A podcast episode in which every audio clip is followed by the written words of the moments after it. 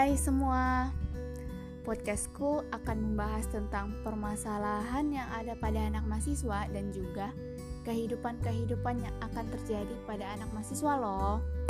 Podcastku bakalan cocok buat kalian yang baru masuk kuliah dan juga hmm, biar kalian nggak kaget saat saat tahu wah kuliah itu ternyata kayak gini ya podcastku bakalan tayang setiap dua kali dalam seminggu.